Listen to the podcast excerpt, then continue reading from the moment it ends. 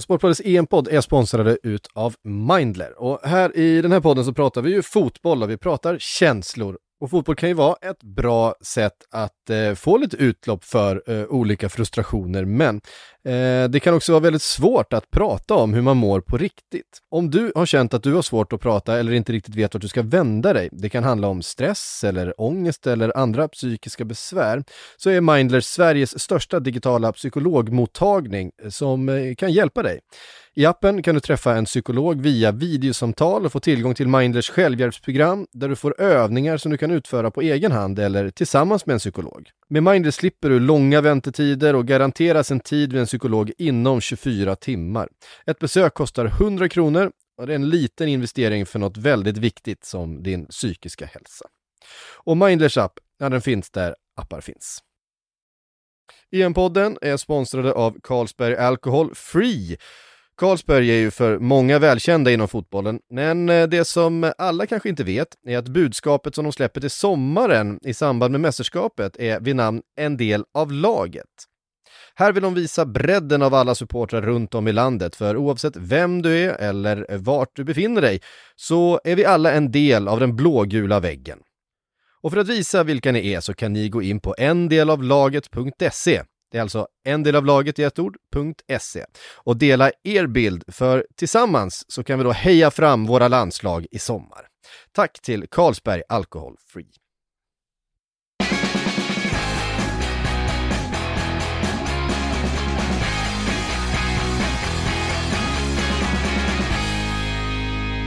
Sportbladets EM-podd. Eh, vi är här och precis suttit och haft en liten konferens här, Makoto, Johanna och jag, om eh, förutsättningarna förutsättningarna för Sverige som ju är klara för åttondelsfinal. Det har stått klart efter att Eh, grupp A, Grupp B och Grupp C har spelat färdigt sina gruppspelsmatcher. Eh, vi har några färdiga åttondelsfinaler.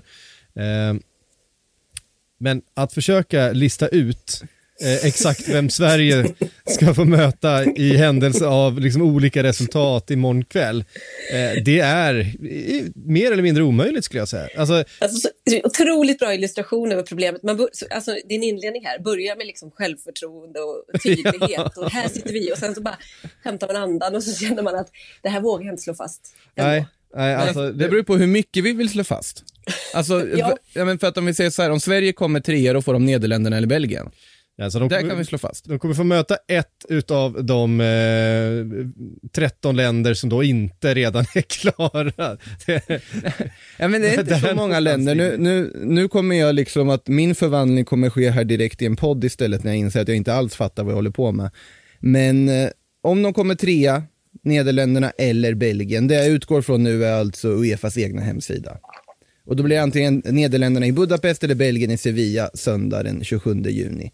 Om de kommer tvåa, då är det tvåan i grupp D i Köpenhamn och då kan det alltså bli England, Tjeckien, Kroatien eller Skottland. Någon från den gruppen, för det, alla kan väl typ sluta tvåa i den gruppen fortfarande. Mm. Det tror jag också. Eh, och om de vinner gruppen då, slår Polen här imorgon, ja då blir det antingen Schweiz, Finland, Ukraina eller England, Tjeckien, Kroatien eller Skottland. Ja, nu ser det. Det finns 13 olika lag kvar.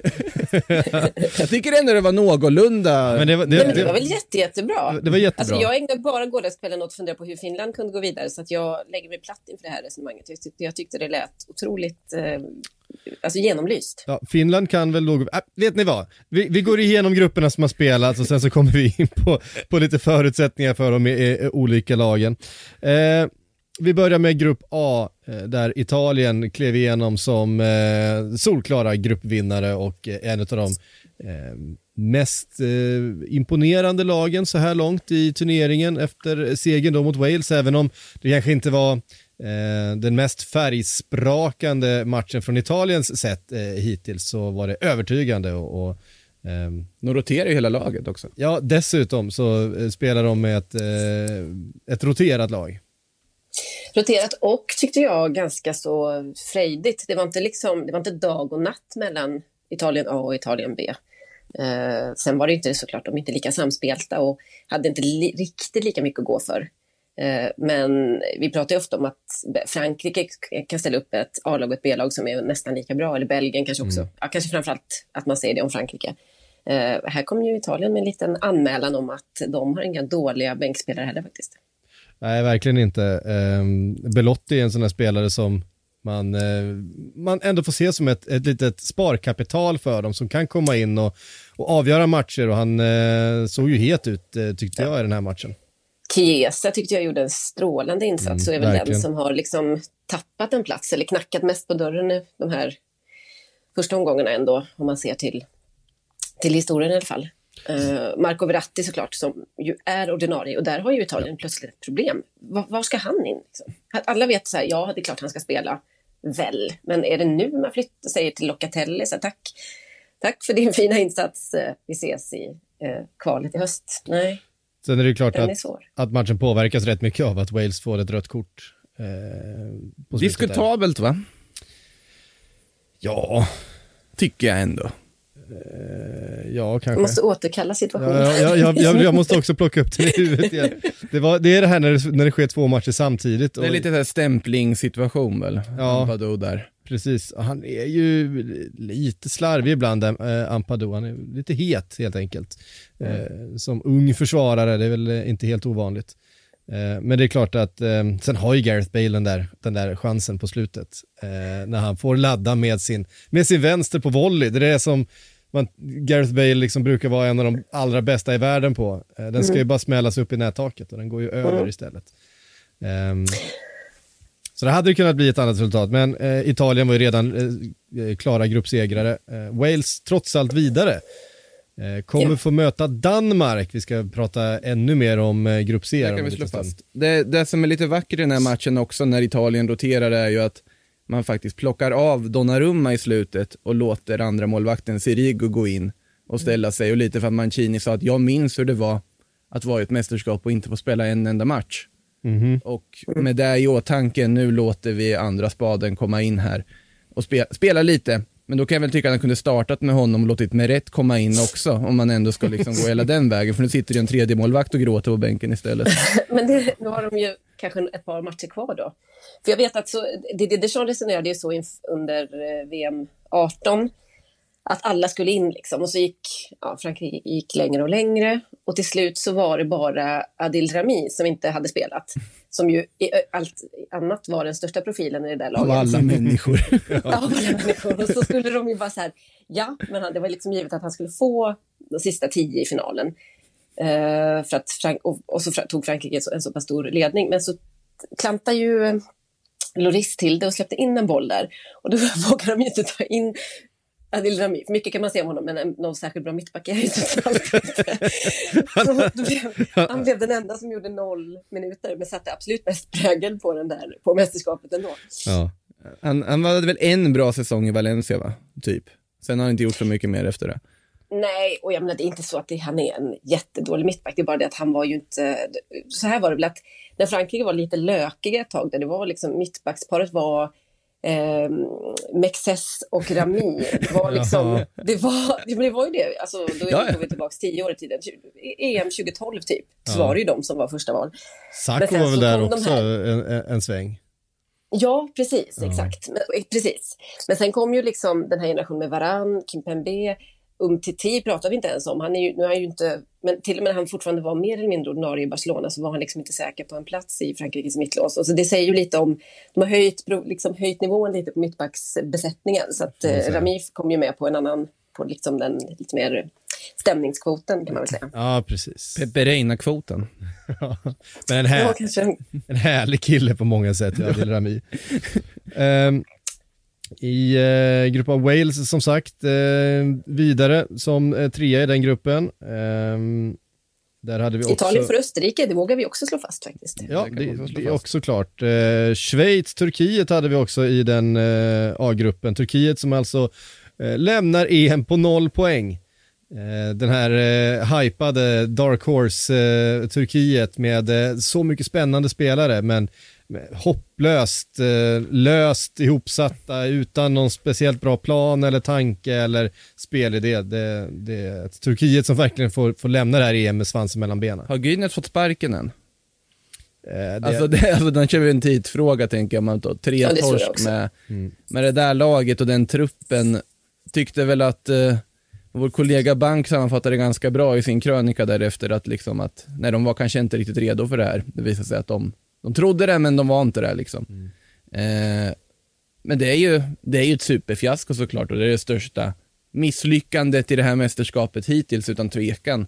Eh, det var ju lite kul där att Chalanoglu, han väl knappt liksom komma hem från EM innan han hade gjort den förbjudna flytten från Milan till Inter på fri transfer. bara, nu, tar jag, nu tar jag första bästa kontrakt och bara liksom skriver på det direkt. Ingen löneförhandling nu, nu måste jag bara säkra något ja. eh, efter det Kommer där han vara den människan med flest fiender i, liksom, i hela Uefa-sfären under den här sommaren? ja, det känns nästan Alla så. turkar emot sig och så typ halva Italien. Och... ja, och det är intressant. Men som sagt, superfiasko. Sen Schweiz ser ju intressanta ut tycker jag ändå. De har ju visat tendenser och nu var det ju gamle Shakiri som vaknade till liv lite här också mot Turkiet och smällde in ett par bollar så att eh, de är väl att räkna med. Ja, precis. Men det var ju den där matchen mot Wales. Eh, Wales som då kommer tvåa i gruppen och Schweiz trea. Eh, där de ju var bättre. Där, där Wales liksom eh, rånade dem lite på, på två poäng där och, och fick med sig ett kryss till slut. Eh, men, men Schweiz var ju det bättre laget där och, och eh, det blir ju intressant då. Schweiz är ett av de här lagen som eventuellt Sverige kan få möta va? Ja, de ingår ju i hela den här högen av om, treor om, som jag listade förut. Om vi vinner mot Polen imorgon så, och vissa andra resultat också, Eh, ja, de måste ju ingå där på ett eller annat sätt. De måste ingå där på ett eller annat sätt. Det är sol, Om de är lika trea i grupp A, B, C eller D kan jag säga. Det är ju också så att Sverige, vinner man Sveriges grupp så är det många fler alternativ. Det är trean i fyra olika grupper som kan bli aktuell. Mm. Um, ja. Alltså när det blir sådana här situationer, såklart det är jätteroligt att behöva öva lite matematik igen när man inte har gjort det på ett tag. Men alltså med tanke på att Uefa liksom i Champions League och så vidare har sina lottningsprocedurer och så vidare hade man inte kunnat ha det i mästerskap också? Eller hade det blivit för logistiskt krångligt? Uh, ha, ha vad då för något, förlåt? Alltså ha lottningsprocedurer efter gruppspelet. ja, men alltså det... Ja, jag kan lite hålla med om det. Problemet med 16 lag, fast man låtsas som att det är liksom ett VM med, med åttondelar och så, blir ju att man vill hålla det liksom logiskt så länge som möjligt. Det vill säga vinnaren ska möta en tvåa eller vinnaren ska möta en trea och så. Mm. Men till slut hamnar man i det här som, som det blir obenhörligen också i EM, att eh, vinnaren i grupp A får tvåan i grupp C, vin, tvåan i grupp A får tvåan i grupp B. Va, va, hur är man motiverad att vinna då om man ändå får en tvåa och så vidare? Alltså det är ju, mm. det, är ju det som gör... Anna, I övrigt tycker jag liksom inte att det ska till lottning, för att man måste veta vad man spelar om i mm. sista omgången ändå. Mm. Eller? Ja, alltså man vet ju ändå, man spelar ju ändå om en placering i, i en grupp. Ja, men om du vet, om du vet att det blir ett eller tvåa, eh, oavsett, eller beroende på resultatet, men du vet inte om det är bättre att bli ett eller tvåa, för det kommer ändå lottas vem du möter, så kan ju den sista, då kan ju den sista matchen verkligen bli totalt meningslös. Alltså då, då vill det, måste ändå, det måste ju ändå liksom vara någon slags potter där eh, ja, men ettorna inte kan möta varandra. Alltså så, här, alltså det måste ja. ju... Mm. Eh, Vilket ju, ja, precis. Ja. Jo, okej, okay, så hade man kunnat tänka sig då. Mm. Men det här är, så här är det ju, att vi, de har trängt in en matematisk modell som egentligen inte funkar på... Alltså, fotbollen är ju väldigt... Det finns ju lite motsvarande primtal inom fotbollen. Och det är ju 8, 16, 32 och så vidare. 24 mm. är inte ett sånt tal. Alltså. Nej, det är, bara nej, det är verkligen så. Mm. Eh, och Eh, jag vet att primtal är något annat. Om det är primtal är något annat. Det, mm. det var, det var... Fotbollens primtal. Ja, betydelsen, betydelsen kom fram i alla fall och liknelsen ja. förstods. Men, eh... Nej, men det är, eh, det är lurigt som fasen. Sen är det också så här att vi ska avgöra det här på tre matcher i ett, i ett gruppspel med väldigt olika förutsättningar. Det är ju bara, vi kommer komma till grupp C här i, i, i, lite längre fram där Eh, nej förlåt, grupp B som spelades igår där förutsättningarna verkligen har varit olika och vi, vi såg ett kokande parken igår och, och det har svängt fram och tillbaks. Det, det, det är ju svårt att, att eh, göra en sån här modell på något sätt rättvis. Mm. Eh, så att, ja. Men det är, ju 24, det är ju 24 som är problemet, om vi säger så. Det är ju så. Ja. 24 är problemet. Men någon kom med ett ganska tvekan. bra förslag på Twitter igår när jag lyfte det här liksom, problematiken. Ja, men tänk om de bästa ettorna gick direkt till kvartsfinal. Jag säger inte att jag har tänkt igenom det här helt hundra, men det är ändå ett lite... Då får du i alla fall någonting före, helt säkert. Ja, verkligen. Och så blir det ett jämnt antal i åttondelar. Alltså det är lite som att gå ja, det... in i Mm. Då, kommer du hamna, då, då, då, kommer du hamna i, i den situationen att du har en, två lag på fyra poäng som är etta och tvåa i gruppen och det kommer skilja sig ett mål i inbördes Ja. möte. Alltså det, eh, och då har man tagit sig liksom ett helt, ett, ett helt steg vidare till i, i turneringen på, Nej, på en teknikalitet. Alltså så här, det, jag kan hålla med om att det eventuellt är en, är, är en bättre lösning om vi nu ska ha 24 lag. Men det är, så här, det är svårt att komma ifrån och hitta ett system som är helt rättvist. Nej, jag tror inte det heller. Dessutom så blir det, skulle det bli så att de lagen som skulle gå direkt till kvartsfinal skulle dels vara de bästa och sen skulle de dessutom ha en match mindre spelad. Så det skulle bli otroligt utslagsgivande såklart. Och i frågar, du lagen, och frågar du lagen i grupp F så har ju den stora orättvisan redan skett i lottningen till det här eh, mästerskapet. Eh, som ju har hamnat i en, en helt fruktansvärt svår grupp. Skulle vi säga att det här systemet är krångligare än eh, Mecca Hockey Race som man hade i Hockeyallsvenskan ett tag? Jag kan inte uttala mig om det. jag har ingen aning om vad du pratar om, men det var kul. Ho- Hockeyallsvenskan, Meko, mekono, vad var det inte? Ja, det heter ju Mecca Hockey Race hette det ett tag, Hockeyallsvenska Ja, så det var slutspelsgrejen. sponsrat av någon sån Och, här ja, och det jag älskade att det kallades race, för det var så tydligt att det var bara liksom så här wacky races, man fattade ingenting av vad som pågick och det var liksom det laget möter där i bäst av tre och sen är det bäst av sju här och sen Hand, bäst av fem handbollsmästerskapen brukar vara väldigt bra på det. De har liksom andra rundan i gruppspelet och det, det går aldrig att åka ur liksom. Nej, just det. Vi förlorar våra tre första matcher. Nej, men om bara liksom eh, Egyp- just det. Egypten spelar, spelar bra mot Brasilien i liksom så här, tre grupper Så bort. går vi direkt men till då semifinal. Då är vi vidare till andra rundan. Och, ja. eh, där ska vi väl inte hamna i alla fall, även om jag inte håller någonting för omöjligt när Uefa är inblandat. Nej. Eh, vi eh, går vidare till eh, grupp B. Eh, nej, det gör vi inte alls. Vi går vidare till grupp C som också spelade då i förrgår. Vi hoppar lite i grupperna, men jag tänker vi håller det lite kronologiskt i alla fall. Ja, för de som undrar nu vad vi håller på med så spelades alltså grupp C-matcherna före grupp B igår. Ja, för att göra allting lite lättare för oss som ska försöka sammanfatta. Men grupp C-matcherna spelades före grupp B-matcherna. Jag vet inte varför det är så. här. Kul. ja, Ja men helt ärligt, var inte matcherna i grupp B betydligt mycket liksom häftigare och mer värda än 21 avspark än grupp C-matcherna? verkligen. Ja, Eh, Där har vi ju det, Så tänker jag. att, så att eh, jag tycker att det blev rätt i slutändan för att jag tycker att vi kan ägna liksom Mm. halva det här avsnittet åt bara det som hände i grupp B igår. Eh, så att därför så river vi av grupp C. Eh, Holland eh, på nio poäng, solklara vinnare. Eh, började lite trögt mot Nordmakedonien. Eh, det var ju faktiskt så att Nordmakedonien hade en boll i stolpen, de hade en boll i nät med en knapp offside. Eh, det kändes som att de var det piggare laget ut ur startblocken så att säga.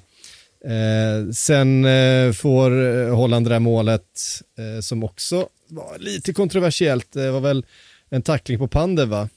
Ja, alltså det, I uppbyggnaden som eh, VAR kollades. vi kan ju summera att efter att ha hyllat domarkåren under tidigare mästerskap så fanns det ju vissa situationer i de här slutomgången här som Verkligen. kan diskuteras. Vi kan väl lämna det så. Ja, eh, Jag vill bara föra till protokollet att även om jag så att säga sammanfattade den här gruppen igår med en krönika så hade jag sett exakt noll matcher innan och eh, någon form av världsrekord. En match såg jag, men det fick bli en sammanfattning.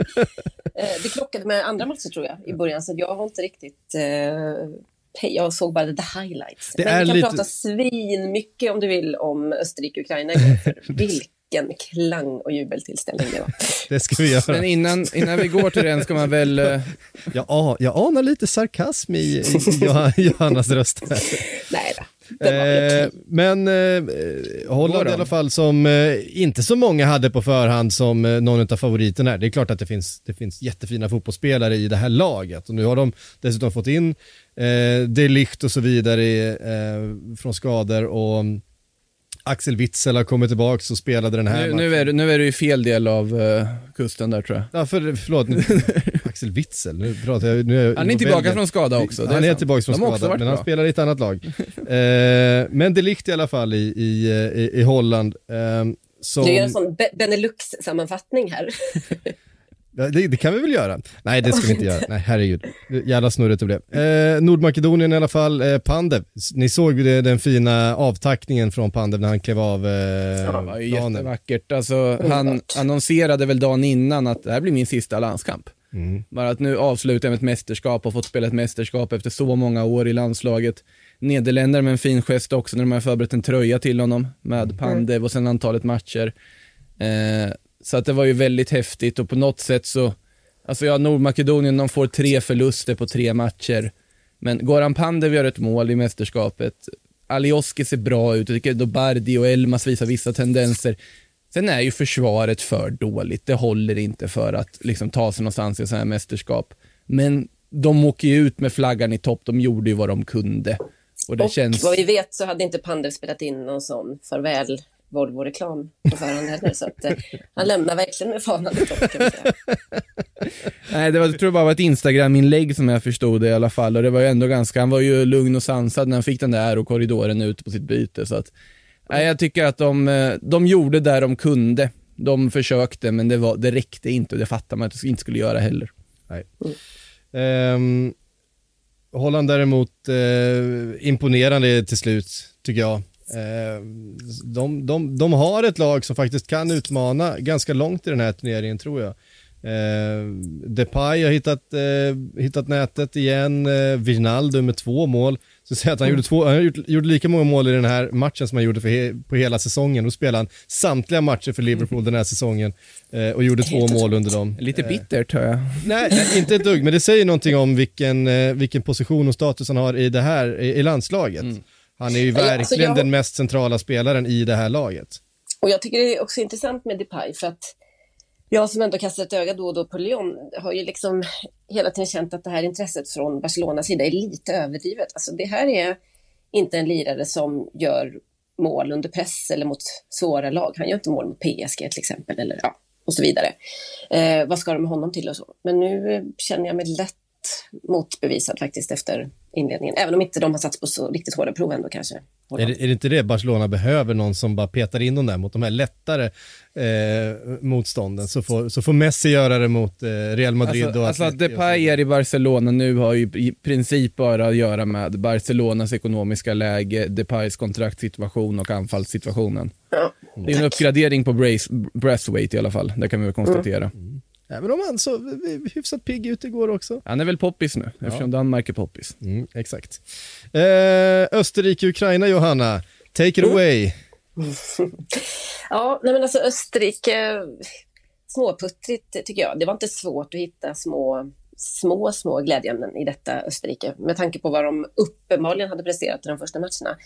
Ukraina, en jättebesvikelse för mig som då inte hade sett inledningen när de var lite hypade ett tag där ändå. Mm. Många kände väl liksom att det här är ett lag som, som springer ut och lämnar hjärtat på planen. Det gjorde de ju verkligen inte igår. Det var, lite, det var obegripligt, obegripligt eh, alltså upplägg av matchen. Och Shevchenko såg helt, eh, alltså han såg så stoiskt sammanbiten ut på, vid tidlinjen. Det såg ut som de hade förlorat matchen redan halvtid. Um, man undrar nästan om det är något som inte är riktigt som det ska i truppen. För det var liksom, de missade hemlöp. De, eh, alltså det var inte någon som tog en, en, en för laget eller en, en eh, extra löpning eller visade liksom på lungor och inställning i den här matchen. Vilket gjorde att eh, Österrike fick en ganska lätt uppgift. Men inte desto mindre har faktiskt några små trevliga, tycker jag, spelare att titta på. Och har ju gått längre än någonsin tidigare i ett mästerskap. Så det kommer säkert lite EM-feber nu i, i Österrike. Om jag förstått det rätt så var det absolut ingenting förhand. De var ganska uttömda av opinionen på hemmaplan och så. Nu har de gått till slutspel och det har aldrig hänt tidigare. Som jag har förstått det så är Österrike ett, ett landslag som ganska ofta är utdömda av eh, befolkningen där hemma. Som inte, inte är så populärt det där landslaget av någon anledning eh, bland österrikarna. Nej, Nej det är min, mitt intryck också. Jag menar, Österrike är inte ett Eh, alltså, det är inte så att eh, folk inte känner till landslaget eller att man struntar i fotboll, men de verkar ha, ha alltså, betänkligt svårt att, att vinna folkets kärlek. Så att, eh, kanske kan det vända lite grann nu då. Sen så är det väl svårt att se det här laget slå Italien då i åttondelen, för det, det är ju den matchen som är nästa. Men eh, ja, oavsett tyckte jag att det var en, en, en, en rätt så trevlig bekantskap ändå i, så här i sista de, minuten. De är ju ett väldigt tyskt landslag för att vara österrikiskt. Alltså det är liksom... Väldigt mycket Bundesliga. Ja, det är en tysk ja. förbundskapten. Det. det. är mycket mm. Bundesliga-spelare, det är stjärnor i Bundesliga just om man tittar på Sabitzer, Baumgartner och så vidare, Leimer och Leiner, mm. Hinteregger. Det är ju väldigt många väldigt bra Bundesliga-spelare, men jag tror att som Österrike kanske är svårt att liksom koppla till ett lag som är typ ja, det skulle kunna vara ett tyskt B-landslag. Ja, nu hade väl i det och för sig... är en jättebra eh, slutsats. Jag tror att det kan vara precis det det handlar om. Mm. I och för sig Sabitzer hade väl platsat i ett tyskt A-landslag också, han är fantastisk men... Uh... Ja, han är väldigt fin och det är ju, det är ju liksom David Alaba och Sabitzer. Ja just det, Alaba också såklart. Som, eh... Han hade eventuellt platsat. Ja, det, det får man nog. Eh, och Arnautovic höll sig i 90 minuter utan att eh, bräka ut något olämpligt. Och Arnautovic mot Chiellini i åttondelen. Men jag undrar, för han var inte, nej han var inte liksom i, han var, han var ganska sur ändå, lite feltajmad tyckte jag i löpningarna och Mm. Um, det är den Arnautovic vi, vi känner och älskar.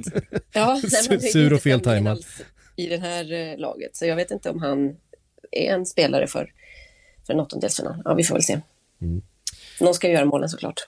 Ja, precis. Eh, det var väl Baumgartner som gjorde målet i den här matchen. Mm. Som kanske mm. inte skulle ha fått spela när han gjorde det målet. Han hade fått någon smäll mot huvudet och sen bara sagt själv Just att ja, men jag kan köra. Mm. Och sen har han gått in och gjort mål och sen ändå blivit groggy efteråt. Så det var väl lite frågetecken där kring hur läkarteamet agerade, hur mycket man faktiskt litade på en spelare som själv var groggy. Jag vet, jag vet inte i vilket annat sammanhang, liksom, vilket annat medicinskt beslut som fattas med en tumme upp av en kille som precis har fått en stenhård smäll i huvudet.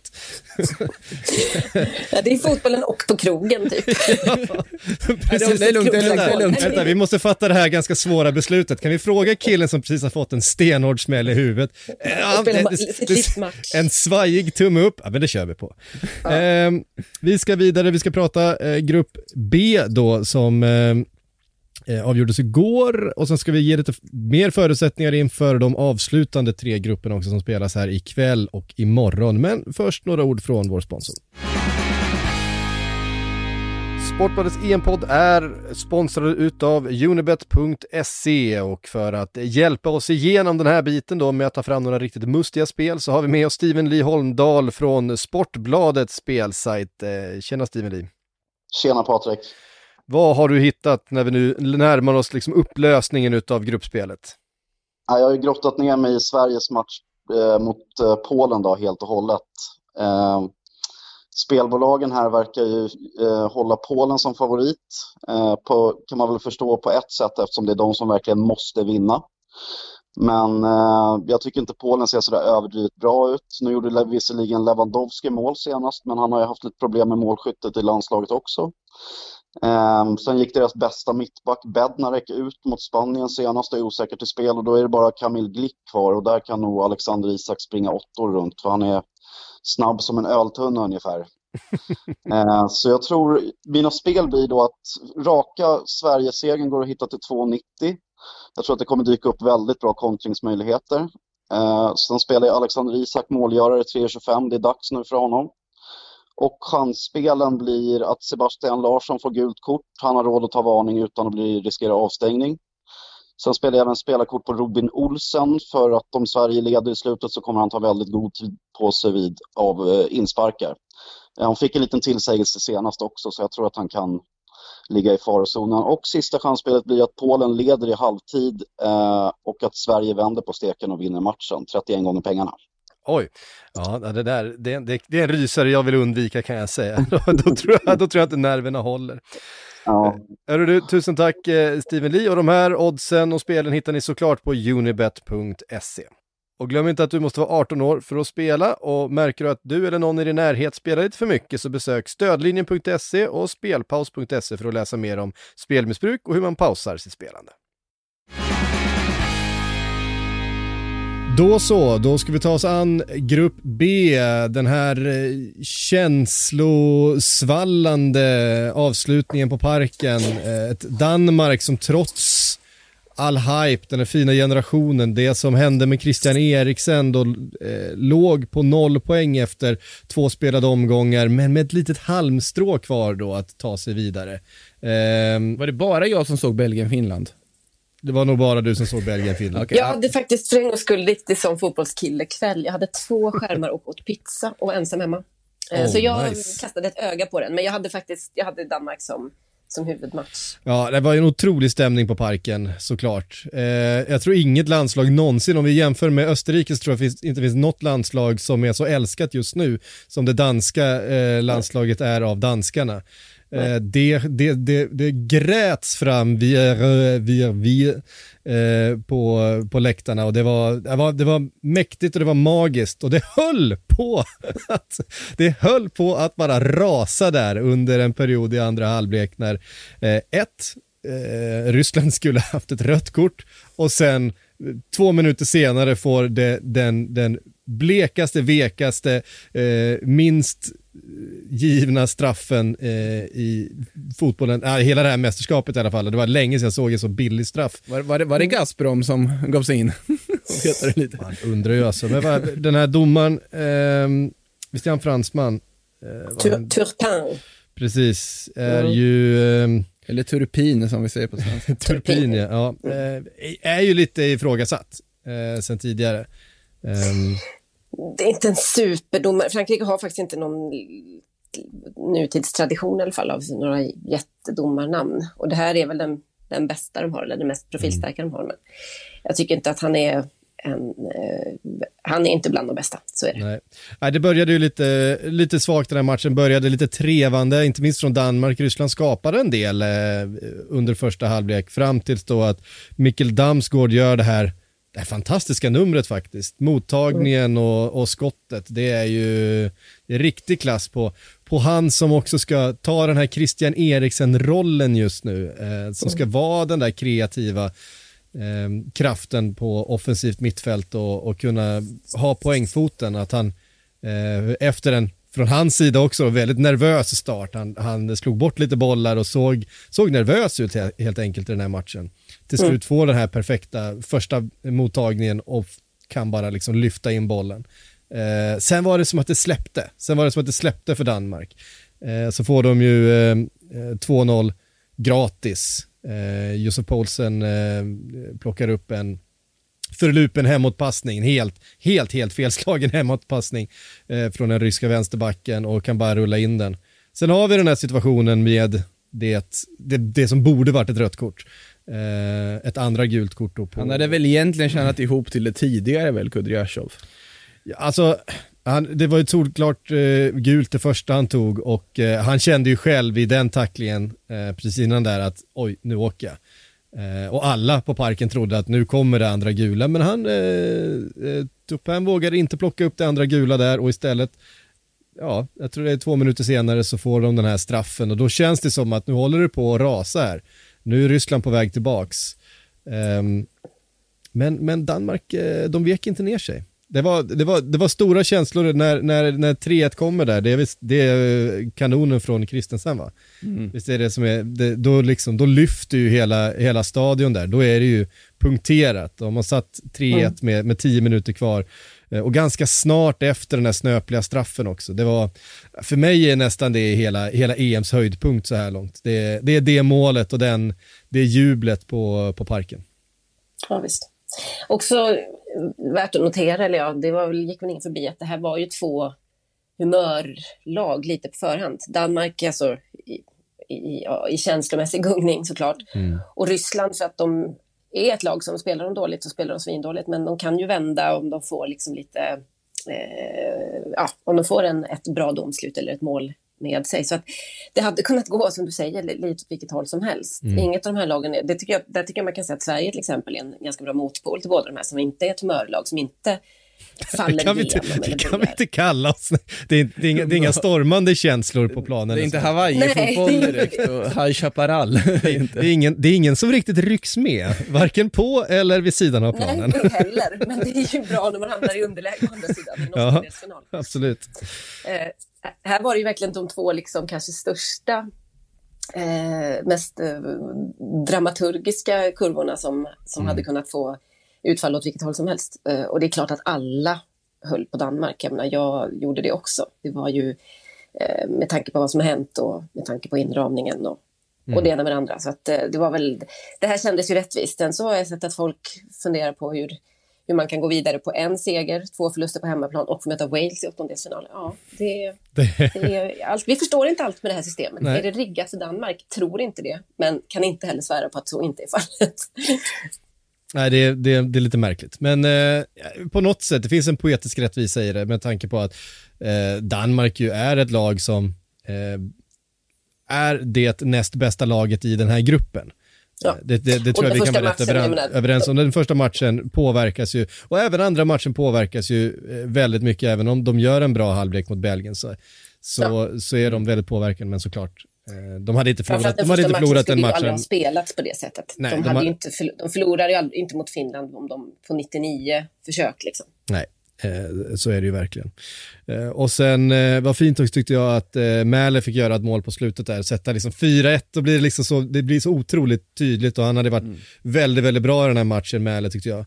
Mm. En av eh, Danmarks allra piggaste spelare även i, i inledningen på matchen. Eh, och sen den där Eh, bilden på slutet när de sitter med livescore och, och tittar på vems, vems telefon det nu var och följer eh, Be Belgien-Finland. Eh, före de verkligen kan då, eh, jublet kan, kan utbryta hos spelarna. Det var också, det var den näst bästa stunden under EM så här ja, det var fint. Eh, jag satt ju också på livescore då, inte för att jag inte hade den andra matchen på, men jag tänkte så här, nu ska vi se om min livescore är före, den, före parken, och det gjorde den tydligen. Eh, kan, man kan ju också tänka sig att det är viss fördröjning för att titta på en webbsändning för sig. Det, det kan ju vara det. Nu ser de väl att det är klart. Eller kan inte någon ringa till dem och säga livescore kanske inte uppdaterat, men det är klart här. Nej, nej ja. den, den resursen hade de inte, utan det var livescore som gällde. Inte någon så här sunkig stream heller, se slutet av matchen, utan bara uppdatera, uppdatera, uppdatera. Ja. Scrolla, scrolla, scrolla. In, in och leta piratstream där på slutsignal på ja. telefon, det hade varit något. Man hade kunnat tänka sig att de har råd att lösa ett eh, abonnemang. det, det kan man ju också. DQ, eller vad heter de? Danska fotbollsförbundet. Det skulle man verkligen kunna tänka sig faktiskt. Eh. Ingen hade tänkt på det. Ska vi kolla på det här mästerskapet också? Jag trodde vi bara skulle spela det. Oh, fan. Men det var eh, ett Finland som ändå bet ifrån länge mot Belgien och de eh, Eh, sjönk ner ungefär som Sverige mot Spanien och eh, slog ifrån sig och försvarade och försvarade och försvarade. Men det sjuka var ju att de anföll ju mer än vad Sverige gjorde mot Spanien. Och det var verkligen så att man tänkte, men vad gör ni? Varför är Pojan Palo här uppe? Liksom, ner, ner i eget straffområde och liksom rensa istället. Eh, det var ju länge så det var ju bara ett spel mot ett mål, men Finland när de väl fick chansen försökte ju anfalla, vilket man med facit i hand kan fråga sig, var det kanske så smart att göra det? För de inte... behövde ju bara en poäng. Ja, i det här läget behövde de bara en poäng också med tanke på att Danmark ändå ledde komfortabelt och så vidare. Det var inte läge för Finland att bara jaga mer än så. Eh, men samtidigt också, Belgien hade gjort mål förr eller senare ändå. När de gjorde sitt första mål så dömdes det bort för en offside som Ja, ni som hör Premier League-podden vet vad jag tycker om de här offside-strecken och sånt där och uh, saker att saker kan vara i linje fortfarande, det är det jag vill säga, men det kan de tydligen inte. Det kan de inte vara längre. Nej. Nej. Eh, jag säger det, i dagens läge så hade Pippo Inzaghi gjort typ fyra mål på sin karriär. eh, det, det, är ju, det är ju hemskt. Ja. Alltså, man älskar Pippo Inzaghi och man, eh, Pinsa, kan inte prata längre. Eh, men det, det, är just det här att en, att, en, att en anfallare faktiskt ska kunna vara i linjen. Ja. ja. Och, och det var ju en tånagel som var på alltså, fel sida där för Lukaku. Eh. Problemet med det här är att det blir ju alltid en fråga om så här, ja, men var går gränsen, var går gränsen? Hur mycket vad är 5 cm, vad är 10 cm, när ligger man i linje och så. Men där tycker jag faktiskt att det finns anledning att eh, helt enkelt bestämma sig för att handlar det om 5, 10 cm, inte vet jag, så kan man inte kräva av, av, av en spelare att man ska känna av det. Alltså, det måste ju finnas en gräns för, och det kan man ju bara titta på. Då. Hur, hur, när känns det som att man ligger i linje? När är det i princip det man uppfattar som anfallare eller som försvarare och vad är diffen? Och så får man implementera det på något sätt. Jag måste säga att jag, jag tycker definitivt inte att det förslaget som Arsene Wenger har tagit fram då för Fifa, att det ska vara eh, daylight mellan försvarare och anfallare för att det ska bli offside, att, att han måste vara helt förbi.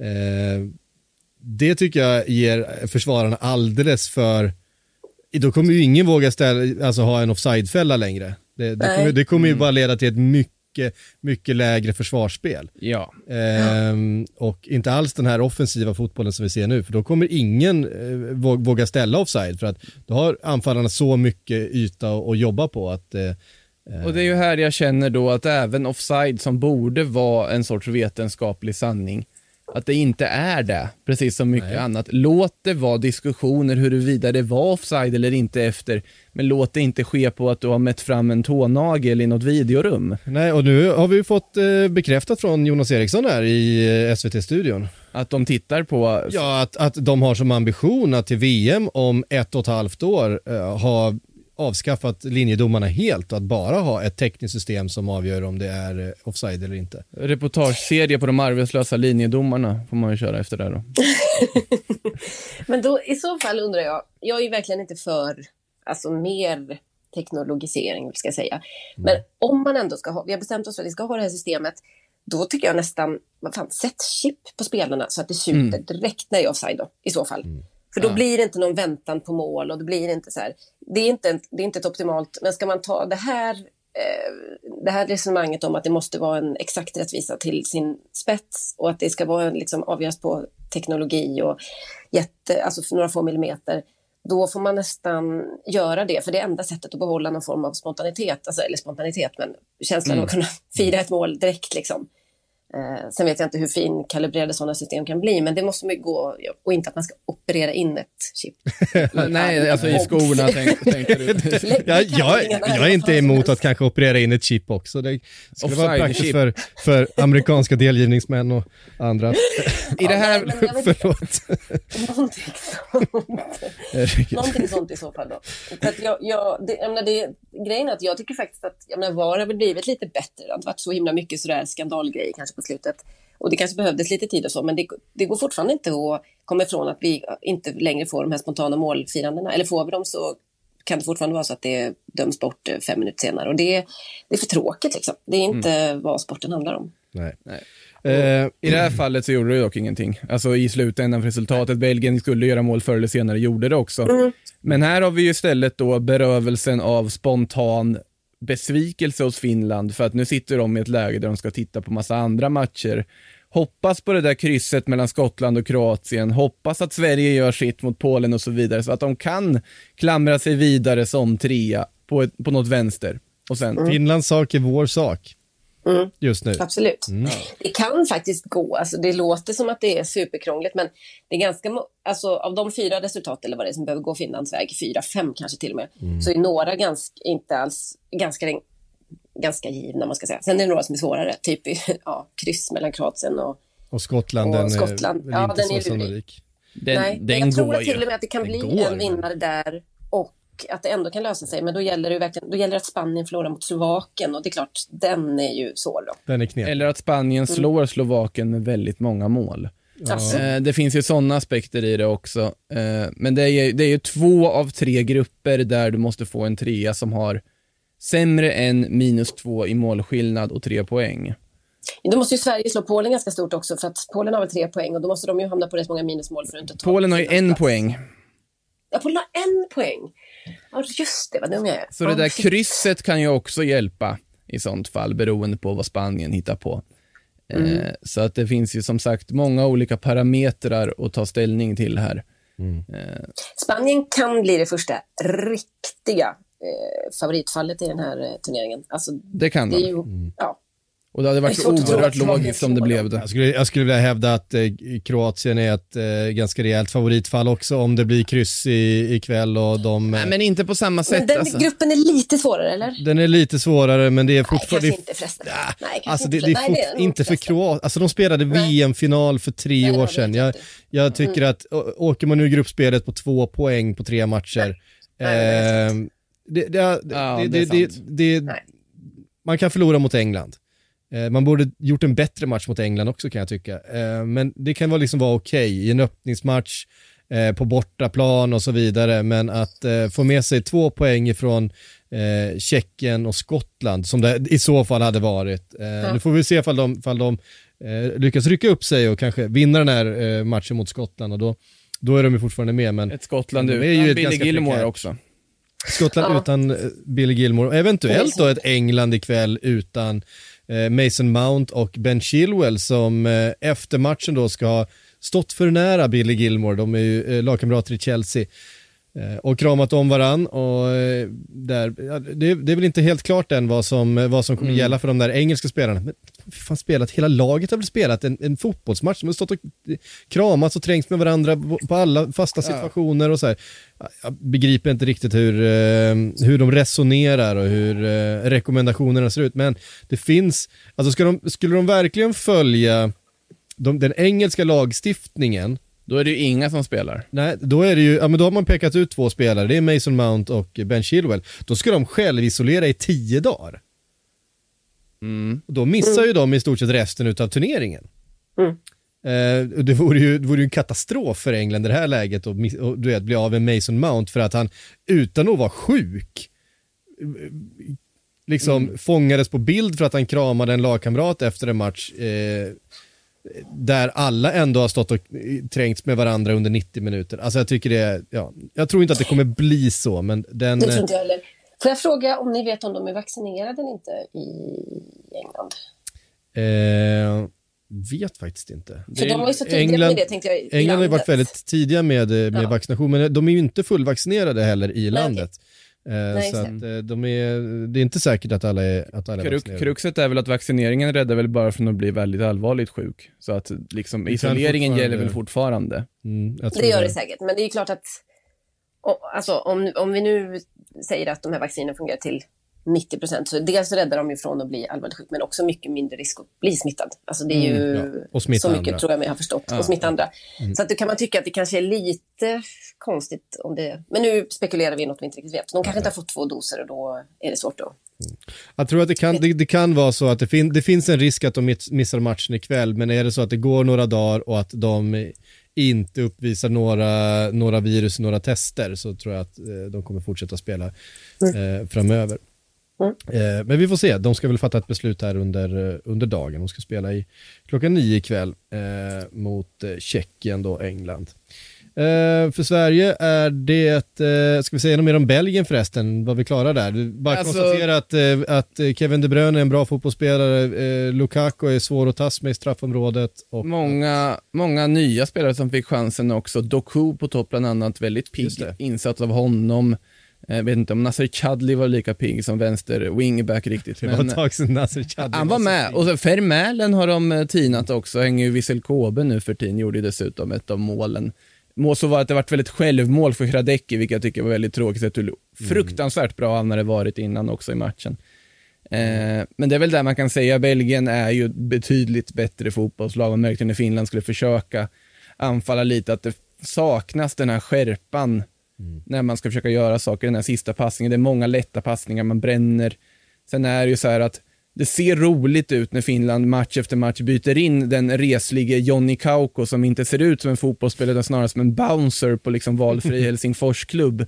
Eh, han är ju inte jättebra, tyvärr. Jag blev inte ointresserad av din erfarenhet av eh, klubbar i Helsingfors. eh, Men det kanske är en annan podd. Eller bara ett manssamtal. Eh, precis.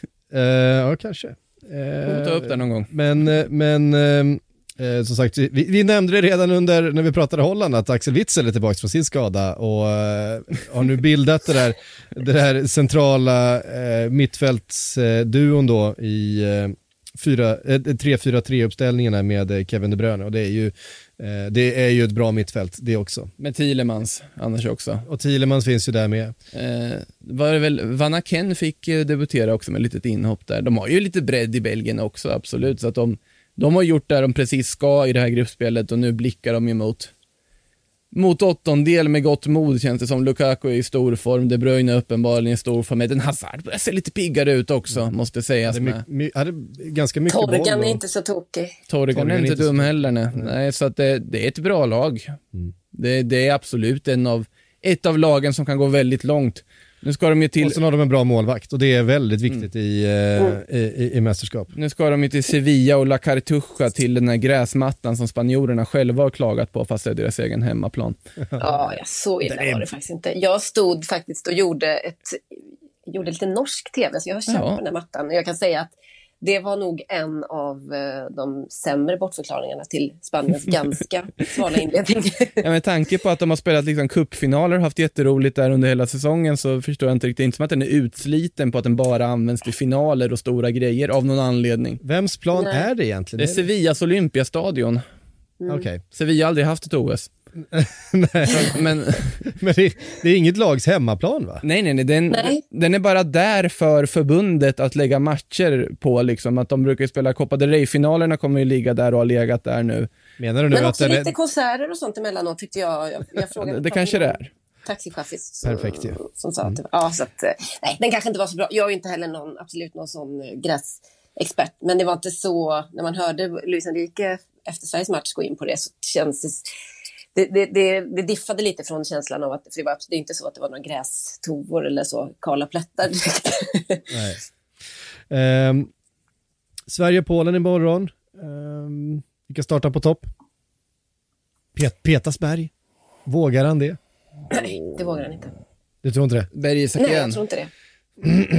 Vi har just fått sett här att Sebastian Larsson startar i alla fall och är lagkapten. Kommer ja, just jo, från det, det tror jag. IRL. Och nej, jag tror att han inte vågar, vill peta Berg. Jag ska inte säga vågar, jag tror inte att han sitter och bara så här, ska, vågar jag? Nej, utan han tycker inte att det är... Det är vad jag tror. Mm. Um, däremot så kan det, det bli aktuellt kanske för ett tidigt byte, då kan man ju tänka sig. Ja, jag vet inte. Jag känner kän... att han är lite konservativ liksom ändå. Känns i alla fall väldigt aktuellt att vilja undvika tredjeplatsen i det här läget. Även om Sverige är helt klara så är det tydligt att det är Nederländerna eller Belgien som väntar då.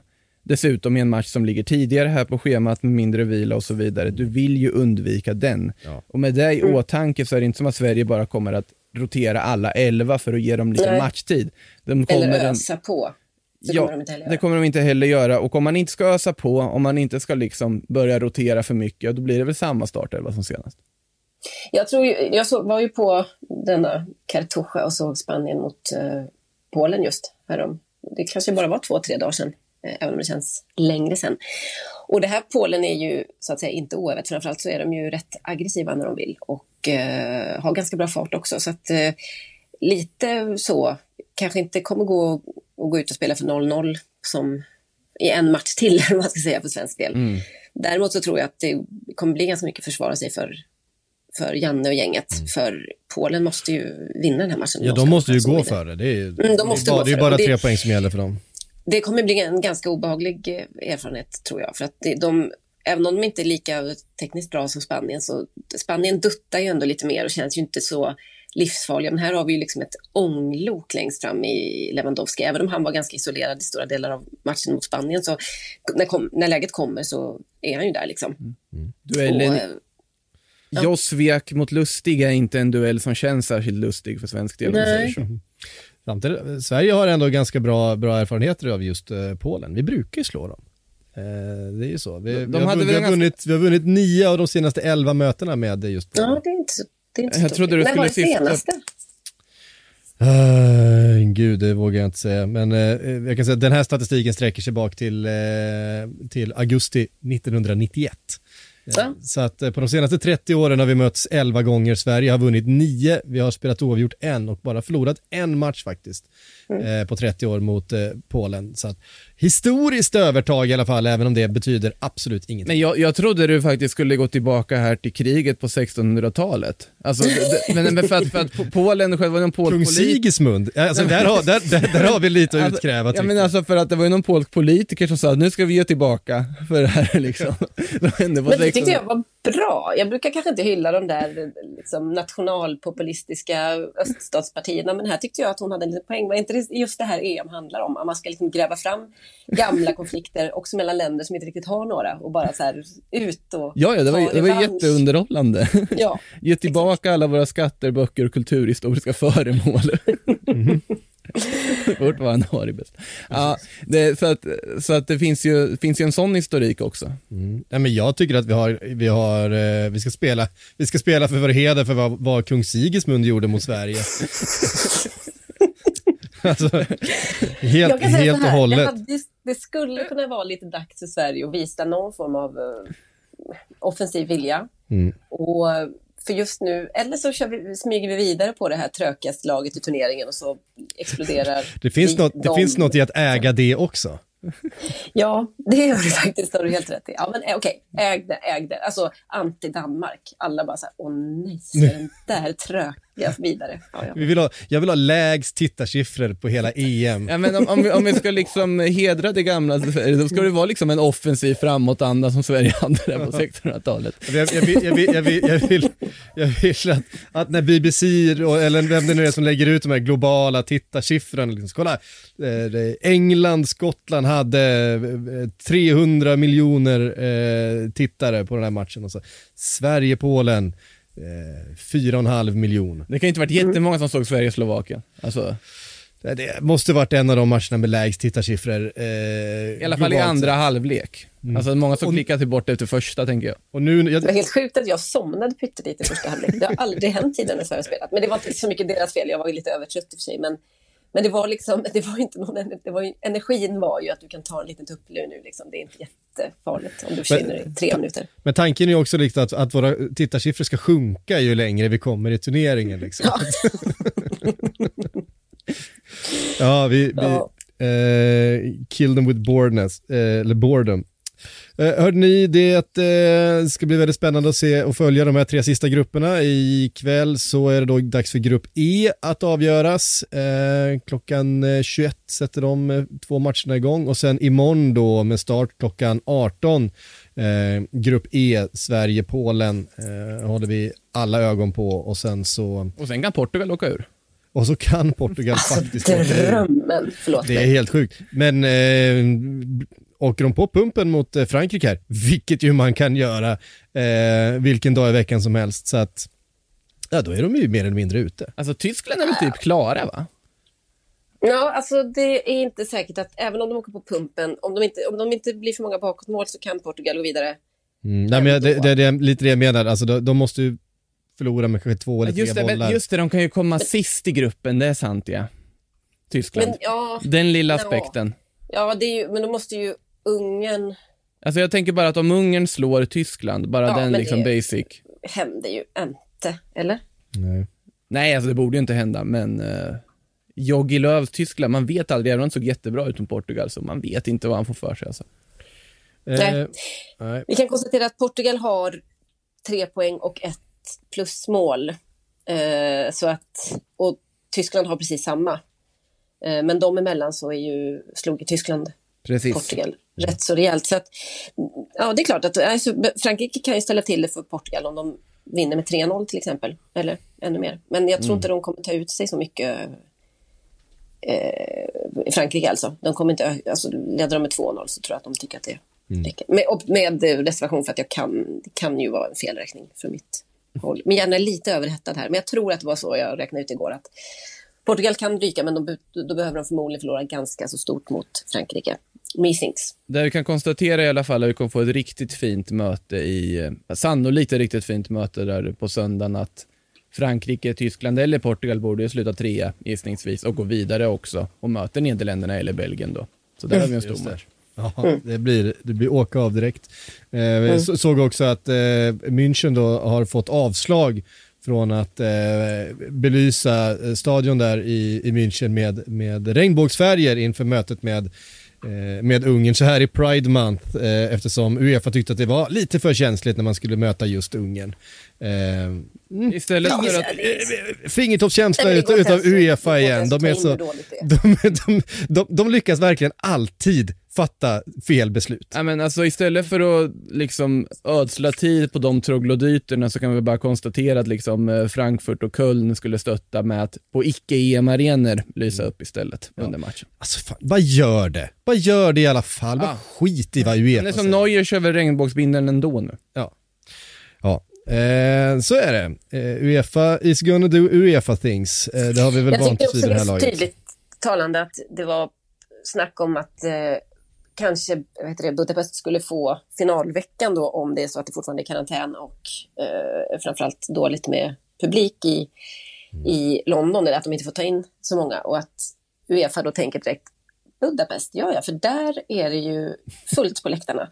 Ja, just det, Ja, men de har också kan. haft flest död, näst flest döda per capita i världen Ja. i covid. Så att, att det är fullt på deras läktare handlar förmodligen inte så mycket om en pandemi. eh, Ett, liksom, Det är inte en bra sak. Nej. Det är klart det inte är. Det är ju Nej. att de skiter i det för att de vill, de vill, alltså det är bara propaganda och det är exakt det här de vill. Få finalveckan. Det är ju liksom, det, det är som att spela Orban i händerna. Men han Orban, han släpper igenom lite folk. Där kan vi väl ha lite finaler, ungefär så. Ja, det, Ja, nej. ja, eh, Uefa doing Uefa things. Eh, vi borde, man borde ha vant sig vid det här laget och, Ja. ägnat sig åt något annat. Men eh, här står vi i alla fall.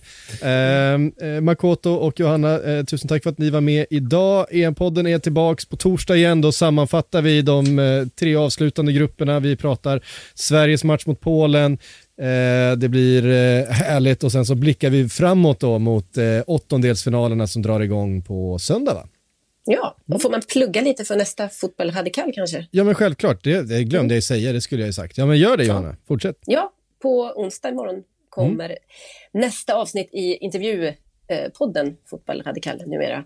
Viktor Vigge 2 Claesson.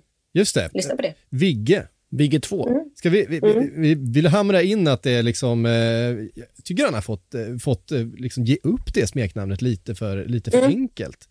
Eh, Ganska tydlig, en, kommer en liten sån förhandsmak då, men ganska tydligt sånt eh, typiskt hierarkitänk som, vi, som sker av sig själv såklart i ett fotbollslag, så säger han ju att ja, Vigge heter jag ju när inte Lindelöf är med, men då Ja. kallar mig Claesson. Ja. ja, det, där, det där är bara eh, tune in tomorrow som de säger så, eh, för den intervjun när Fotboll Radikal dyker upp i flödet och eh, intervjuar Viktor Claesson. Eh, det kan jag verkligen rekommendera. Men från EM-podden här och nu så säger vi på återhörande.